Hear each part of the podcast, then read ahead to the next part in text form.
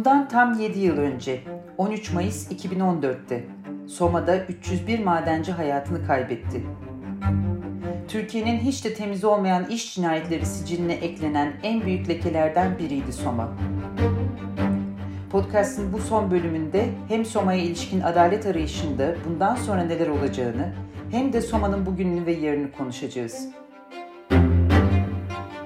Bir önceki bölümü Soma'da şirket yetkililerinin yargılandığı davada gelinen sonu anlatarak kapatmıştık. Madeni işleten şirketlerin yetkilileriyle ilgili dava neredeyse bitti.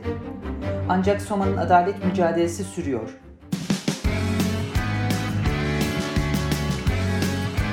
Oku, dinle, izle. Kısa Dalga. Bu bölümde haklarında soruşturma izni bile verilmeyen kamu görevlileriyle ilgili başvuruların hangi aşamada olduğunu anlamaya çalışalım. Ama önce sözü Soma davasının avukatlarından Evren İşler'e uzatalım. Kritik soru şu. Soma davasında Yargıtay'ın verdiği karar Türkiye'deki madenler, enerji piyasası ve işçi güvenliği ile ilgili ne anlama geliyor? İlk günden son güne kadar gördük. Bu dava net bir siyasi dava aslında. Ee, her ne kadar bir katliam yargılaması da olsa şunu biliyoruz ki bu dosyada verilen karar, verilecek karar e, enerji piyasasının yapılanmasını belirleyecek, değiştirecek nitelikte bir karar. Bizler e, işçilerin hayatları perspektifinden baktığımızda diyoruz ki bu dosyalarda verilen kararlar işçilerin bundan sonra can güvenliğini ilgilendirir ve belirler. Ama e, enerji piyasasının aktörleri açısından bakıldığında da bu karar elbette ki enerji piyasasını çok yakından ilgilendiriyordu. O sebeple de ilk günden itibaren e, baskı hiç eksik olmadı bu dosyadan. Duruşmanın ilk gününde gördük, e, en son kararında da gördük. O yüzden aslında hem neden bu dosyada bu kadar siyasi baskı var, bu kadar yargıya müdahale var anlayabilmek için Soma katliamına yol açan bütün sebepleri ve bütün koşulları aslında bir arada düşünmek gerektiğini bir kere daha gördük. Podcast'in en başından beri belirttiğim gibi Soma davasında sorumluluğu bulunma ihtimali olan hiçbir kamu görevlisiyle ilgili bugüne kadar soruşturma izni verilmedi. Oysa mahkeme dosyasına giren bilirkişi raporu çok açıktı. 2016 yılında sunulan rapor aynen şöyle diyordu. Genel olarak kömür havzalarının yönetimi, denetimi ve özelde de kömür ocaklarında iş sağlığı ve güvenliği konuları ile ilgili mevzuat eksiklikleri ve yetersizlikleri nedeniyle Enerji ve Tabi Kaynaklar Bakanlığı ve Çalışma ve Sosyal Güvenlik Bakanlığı'nın ihmali ve kusuru vardır. Evet, Çalışma ve Sosyal Güvenlik Bakanlığı İş Teftiş Kurulu Başkanlığı denetimlerine ilişkin değerlendirmede ise müfettişlerin 2012-2013 yıllarında ikişer kez teftiş yaptıkları ve bunun yanı sıra Mart 2014'te de denetim yapıldığına dikkat çekiliyor ve bilirkişi raporunda şu görüşler de paylaşılıyor. Bu denetimlerde noksan bir husus belirlenemediği ifade edilmiştir. Oysa geçerli mevzuata göre çok sayıda ayrılıklar bulunmaktadır. Tanık ifadelerinde denetimlerdeki zafiyetten söz edilmektedir. Denetimlerin yüzeysel olduğu ve gereken şekilde yapılmadığı kanaati oluşmuştur. Enerji Bakanlığı'na bağlı Maden İşleri Genel Müdürlüğü'ne ilişkin yapılan değerlendirmede ise bilirkişi heyeti planlanandan 2-2,5 kat fazla üretim yapıldığına üretim artmasına rağmen havalandırmayı sağlayan ana vantilatörün kapasitesinin değiştirilmediğini söylüyordu. Bu ve bunun gibi eksiklikleri denetlemekle sorumlu MİGEM'in görevinin gereklerini yerine getirmediğini söylüyordu ayrıca. Teknik koşullar arasında üretim zorlamasından maden içi etkin haberleşme ve alarm sistemi bulunmamasına, acil durumlar için bir planlama yapılmamış olmasına kadar bir dizi eksikliğe dikkat çekiyordu. Bunların üzerine devletin en üst kademelerinden verilmiş sözler vardı. Dönemin Enerji Bakanı Taner Yıldız, ucu nereye varırsa varsın sorumluların bulunacağı sözünü vermişti örneğin. Sorumluluğun ucu kendi bakanlığına dayandığında bu sözünü unutmuş olabilir miydi? Ne Çalışma ve Sosyal Güvenlik Bakanlığı ne Enerji Bakanlığı Soma'da kamu görevlileriyle ilgili soruşturma izni verdi. Ancak ailelerin avukatlarının kamu görevlilerinin yargılanması ile ilgili çabaları da sona ermiş değil. Gelin süreci ve Soma'da bundan sonra hukuk mücadelesinin nasıl yürüyeceğini avukat Murat Kemal Gündüz'den dinleyelim. Şimdi orada birçok sorumluluk atfedildiği için biz 2014 yılında bu gelen biliş raporlarındaki e, tespitlere dayanarak da kamu görevlileri hakkında suç duyurusunda bulunduk. Soma Cumhuriyet Başsavcılığına. E, Soma Cumhuriyet Başsavcılığı haliyle bunlarla ilgili dönemin Enerji Bakanı'ndan ve Çalışma Sosyal Güvenlik Bakanı'ndan soruşturma izni istedi. Soruşturma suç durumumuzu ciddi gördü. Bilirkişi raporda çok netti. Fakat her iki bakan da o dönemin e, Çalışma Sosyal Güvenlik Bakanı ve e, Enerji Bakanı her ikisi de kamu görevlileri hakkında soruşturma izni vermedi. E, idari yola başvurduk. Danıştay'a, Danıştay 1. Dairesine başvuruda bulunduk. Soruşturma izni verilmemesi kararının kaldırmasını talep ettik. Danıştay 1. Dairesi önce bir farklı bir karar verdi. Yeniden bir ön inceleme raporu istedi ilgili birimlerden. Fakat daha sonra yeni bir ön inceleme raporu gelince de soruşturma izni verilmemesi kararının talebimizi reddetti. Haliyle iç hukuk açısından yollar tükendiği için Anayasa Mahkemesi'ne götürdük biz bunu. Anayasa Mahkemesi'ne götürdüğümüz Danıştay 1. Dairesinin Çalışma Sosyal Güvenlik Bakanlığı İş Teftiş Kurulu müfettişleri hakkında verdiği soruşturma izni verilmemesi kararına karşı Anayasa Mahkemesi'ne. Anayasa Mahkemesi 2019 yılının sonunda yaşam hakkının usul boyutunun ihlal edildiği talebimizi kabul ederek kamu görevlerinden sayılan Çalışma ve Sosyal Güvenlik Bakanlığı Teftiş Kurulu mensuplarının yargılanması gerektiğine karar verdi. Yaşam hakkının usul boyutu ihlal edilmiştir dendi. Etkili soruşturma yapılmamıştır dedi ve Anayasa Mahkemesi ihlal kararını 9 Mart 2020'de Danıştay 1. Dairesi'ne yolladı yeniden yargılama yapılmak üzere. E, Danıştay 1. Dairesi'nin yapması gereken neydi? Soruşturma izni verilmemesi kararına karşı yapılan itirazımızı reddeden kararını kaldırarak soruşturma izni verilmemesi kararını kaldırması gerekiyordu. Bakanın ve dosyayı Soma Cumhuriyet Başsavcılığına göndermesi gerekiyordu. Fakat bugün e, haliyle Mayıs'ın 5'i, 5 Mayıs 2021'deyiz. Yaklaşık 14 ay önce gitmişti Danıştay 1. Dairesi'ne bu dosya. Halen Danıştay 1. Dairesi'nde Anayasa Mahkemesi kararından sonra yeni bir karar verilmedi. Onu bekliyoruz şu an. Bir diğer boyutu da Maden İşleri Genel Müdürlüğü'nün kusur hakkı vardı. Suç durumumuz da vardı. Ona da Maden İşleri Genel Müdürlüğü yetkililerinin yargılanmasına dönemin Enerji Bakanı izin vermedi. Onunla ilgili de dosya halen Danıştay 1. Dairesinde soruşturma izni verilmemesi kararına karşı yapılan itirazın sonuçlanmasını bekliyor. Son hali bu ama şu var, e, Danıştay'ın çok e, uçuk bir yorumla Anayasa Mahkemesi kararına uymayacağını çok düşünmek istemiyoruz. E, uyacağını düşünüyoruz. Ne olacak? E, soruşturma izni verilmemesi kararını kaldıracak ve dosyayı kamu görevlileri açısından en azından Çalışma Sosyal Güvenlik Bakanlığı yetkililer açısından Soma Cumhuriyet Başsavcılığı olacak. Soma Cumhuriyet Başsavcılığı bir soruşturma yapacak. Tabii %100 dava açar mı ona net bir şey demek mümkün değil. Ne tür bir etki olur, ne tür bir etkileşim olur onu bilemiyoruz şu anda. Ama soruşturma izninin önü açılmış olacak. Hı hı. Şu anda hali hazırda e, Danıştay 1. Dairesi'nin Anayasa Mahkemesi kararını uygulamasını bekliyoruz. Peki bu kararın uygulanması için e, hukuki anlamda mevzuatta herhangi bir süre sınırlaması yok mu? 14 ay geçti dediniz. Tabii tabii. 9 Mart 2020'de gitti Danıştay'a. E, Danıştay'dan sürekli takip ediyoruz ama e, şu anda net olarak sonuçlanmış. E, bir karar verilme sürecine girildi deniyor. E, usulen de tekemmül etmeden, dosya imzalanmadan kararı bildirmiyoruz deniyor ama şu ana kadar olumlu ve olumsuz uyulduğuna uyulma dair bir karar verilmedi. Dosyalarda ne hikmetse bu konuda Enerji Bakanlığı'nın Maden İşler Genel Müdürlüğü, Çalışma Sosyal Güvenlik Bakanlığı'nın teftiş kurulu artı Türkiye Kömür İşletmeleri bu kurumların üst düzey yöneticileri bu kurumu 16-17 defa denetlemişler. Alp Gürkan ayrıldıktan sonra tekrar denetlemişler ve herhangi bir altyapı eksikliği olmadığına dair devletin resmi kurumları ayrı ayrı ve farklı konularda tutanaklar düzenlemişlerdir. Şimdi bu tutanakların aksini ispatlayabiliyor muyuz? Hayır. Bunların hepsini düzenleyen kişiler hakkında dava açılmış mı? Hayır.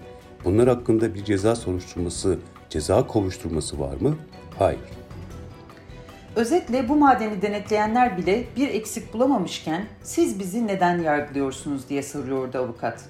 Can Gürkan'ın avukatına bununla ilgili bir soru sorduğum zaman da müfettişlerin mevzuata bağlı kalarak denetleme yaptıklarını söylemişti. Peki denetimi yapan neye göre denetim yapacak? Mevzuata göre yapacak. Mevzuatın öngördüğü şartlar Ocak yerine getiriyorsa eksik yazabilir mi? Yazamaz.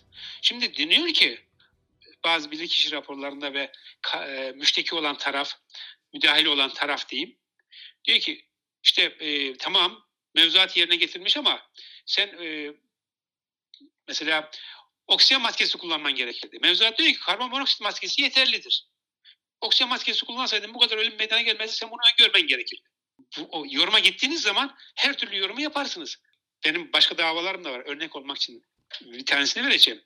Kamyon geri e, şey döken, moloz döken kişiye her türlü eğitim verilmiş. Gerekli güvenlik tedbirleri almış. Her şey yapılmış. Ama şoför aşağı inmiş. O anda kendi kamyonundan düşen taş kafasına düşüyor ve ölümüne sebep oluyor. Şimdi bir kişi bu arada arada bir kusur bulamadı dedi ki sen buna kamyondan inmeyeceğine dair e, eğitimde yazmamışsın.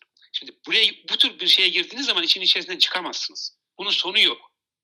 Yani diyor ki sen kendin düşün daha ne olabilir diye bunu yap diyor. E, kamu görevlileri için de böyle bir şey söz konusu. Yani onlar bakıyorlar mevzuata uygun mu? Uygun.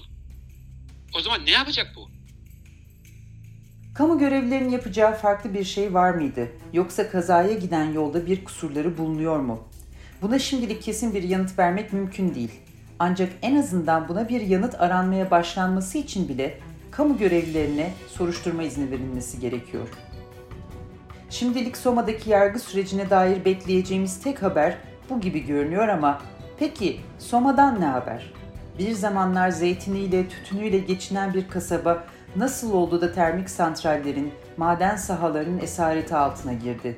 Nasıl oldu da maden Soma ve havzasını saran tek geçim kaynağına dönüştü?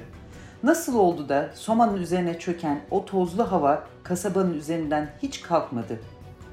Oradaki ekolojik mücadeleyi ve sendikal çalışmaları yakından takip eden meslektaşım gazeteci Seçil Türkkan sorularımı yanıtladı. Sen Soma'ya sıkça giden gazetecilerden bir tanesiydin. Benim Soma ile ilgili hatırladığım e, en önemli şey işte hafif böyle kasabanın dışına çıkıp onu hafif bir yüksek bir tepeden gördüğünüz bir nokta vardır mesela. Oradan baktığın zaman e, kentin üzerinde böyle bir sis tabakası aslında neredeyse her mevsim görünüyor. Bir bunu hatırlıyorum. İkincisi e, kent yani e, kasabanın içindeyken, Soma'nın içindeyken bile damağımda hep bir kömür tozu kaldığını hatırlıyorum. Burada yaşayan insanlar için bu termik santral, bu çalışan madenler, bu kömür tozu, bu hava onlar için ne ifade ediyor? Yani nasıl nasıl bir yerde yaşıyorlar şey açısından, toplum sağlığı açısından? Buradaki esas mesele aslında şeffaf lık olmayışı yani veri eksikliği aslına bakarsanız. Ee, Çevre Mühendisleri Odası'nın 2018'de açıkladığı bir rapor vardı. 2017 yılı hava kirliliği raporu.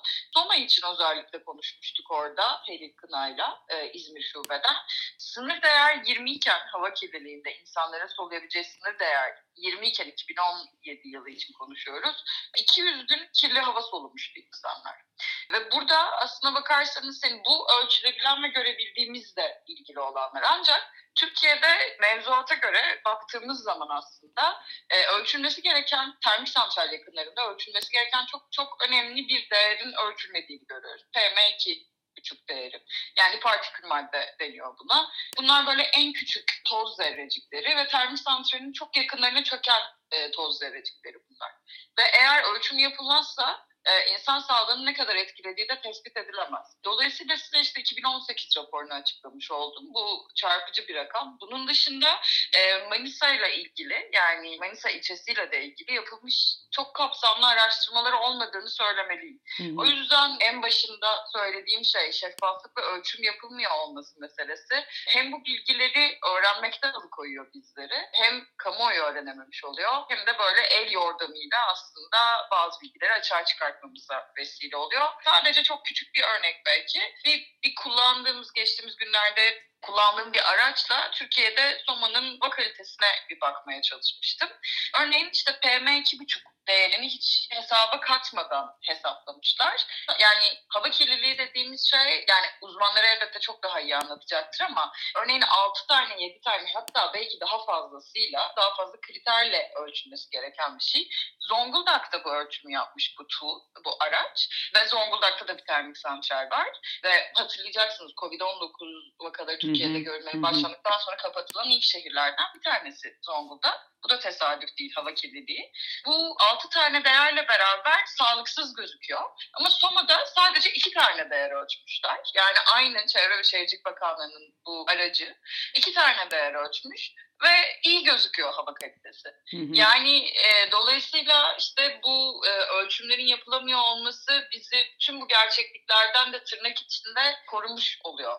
Yine hı hı. burada e, bu ölçümlerin yapılmadığını, e, yapılsa bile çok sağlıklı olmadığını e, aslında bu tür araçlarla bu, bu haliyle öğrenmiş oluyoruz. Dolayısıyla yani çok yakın zamanlarda yapılmış bir başka araştırma varsa şimdilik bilmiyorum ama Soma'da hava kirliliği dediğim gibi yani e, olması gerekenin 10 katı kadardı hı hı hı. E, 2018. Peki e, bütün bunlar e, eşliğinde davaları, duruşmaları da takip etmiş bir gazeteci olarak sormak istiyorum. Bu dava e, yani Soma Havzası'nın ve orada olanların termik santraller açısından, kömür üretim açısından, ekolojik denge açısından Türkiye'yi de ilgilendiren sonuçları var. Dediğin gibi orası örnek bir yer bu anlamda. Yani e, iyi örnekten ziyade e, oranın bir küçültülmüş, Türkiye'nin küçültülmüş halini görüyoruz. Dava sürecine baktığın zaman yine bu arka planda bu davanın e, enerji piyasasına e, yatırım yapmak isteyenlere, kömür e, santralleri işletenlere verdiği mesaj ne olacak? Yani aslında bakarsan rengin yani yine böyle belki e, katliamın biraz daha sonrasından yakın bir yerde ya. örnek verebilirim. 2000, e, Ekim 2014'te Ermenek'te bir maden katliamı yaşanmıştı. Ve şimdi o, o davanın sonuçlarına baktığımız zaman hani Soma'yı göz ardı edelim diyelim. 18 işçi hayatını kaybetmişti orada. Ermenek işçileri ile e, ilgili her bir ölüm için birer yıl ceza verildi e, aslında bakılırsa. Bunun dışında bir e, atama vardı. 2016 yılından sonra bu mahkeme heyeti aslında e, Soma davası mahkeme heyetinin 2016 yılında nispeten yapması gerekeni yaptığını yani hani tırnak içinde iyi bir iş çıkardığını, davayı iyi izlediğini ama zaten bu olması gereken e, olduğu için düşünüyorduk. 2017'de Salih Pehlivanoğlu aslında bakarsan atanmış oldu. Ve bu davaya atanan Salih Pehlivanoğlu'nun da e, şahane bir geçmişi yoktu. Yani hani kendisi de Af Afşin Elbistan e, Bey Santrali Küllolar Kömür Ocağı'nda 11 işçinin hayatını kaybettiği e, ve 9'unun da cesedinin çıkarılamadığı bu olayın ardından sanıklara yalnızca para cezası vermişti. E, dolayısıyla böyle hani sadece bu, bu e, Soma ve belki de etrafında gelişmiş olan aynı tarihte, yakın tarihte birbirini izleyen bu katliamlarla ilgili ya da maden maden kazalarıyla ilgili tırnak içinde yaşananlar biraz bize galiba bu fotoğrafı gösteriyor. Yani bir de Şirvan örneği var örneğin. Yani Şirvan, Şirvan ilçesinde aynı tarihlerde yine ya da Soma'dan çok kısa bir süre sonra yine bir maden ocağında e, yaşanan böyle bir e, olay sonrasında da madenciler hayatını kaybetmişti ve tutuklu hiç kimse kalmadı örneğin orada. Dolayısıyla böyle bunların her birini düşündüğümüz zaman bir yandan da galiba günümüzde çok umut verici bir fotoğraf kalmıyor. Aslında e, buradan belki de şunu söylemek lazım aynı zamanda. Davalar tarafından bir çıkarsak eğer maden sahaları için TMO, Maden Mühendisleri Odası'nın söylediği çok çok net bir bilgi var. Bir bilimsel bilgiden bahsediyoruz eğer bir an kulağımızı verirsek oraya. Bütüncül havza yönetimi yapılmalı. Yani sahaları parça parça özelleştirmeyin. İşte asıl budur katliamı hazırlayan diyorlar.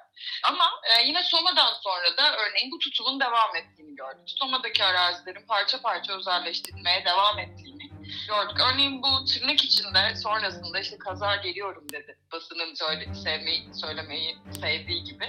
Düşünürsek yani bu, bu parça parça özelleştirmelerle hükümetin bu konuda aslında buradan belki bir, bir yere e, gitmek devam ge, gerekiyor aynı zamanda. Yani hani e, Soma Soma davası bir, bir durum elbette ve işte hani umutsuzluğa uğradığı insanlar ve kamuoyu vicdanını yaralayan bir yanı var. Seçil Türkkan'ın da dediği gibi Soma'yı takip etmeye devam edeceğiz. Çünkü ne bu ülkede ne bu dünyada tek bir işçi bile yetersiz güvenlik önlemleri, çağlar öncesini hatırlatan üretim teknikleri ve şirketlere verilen imtiyazlar nedeniyle ölmemeli.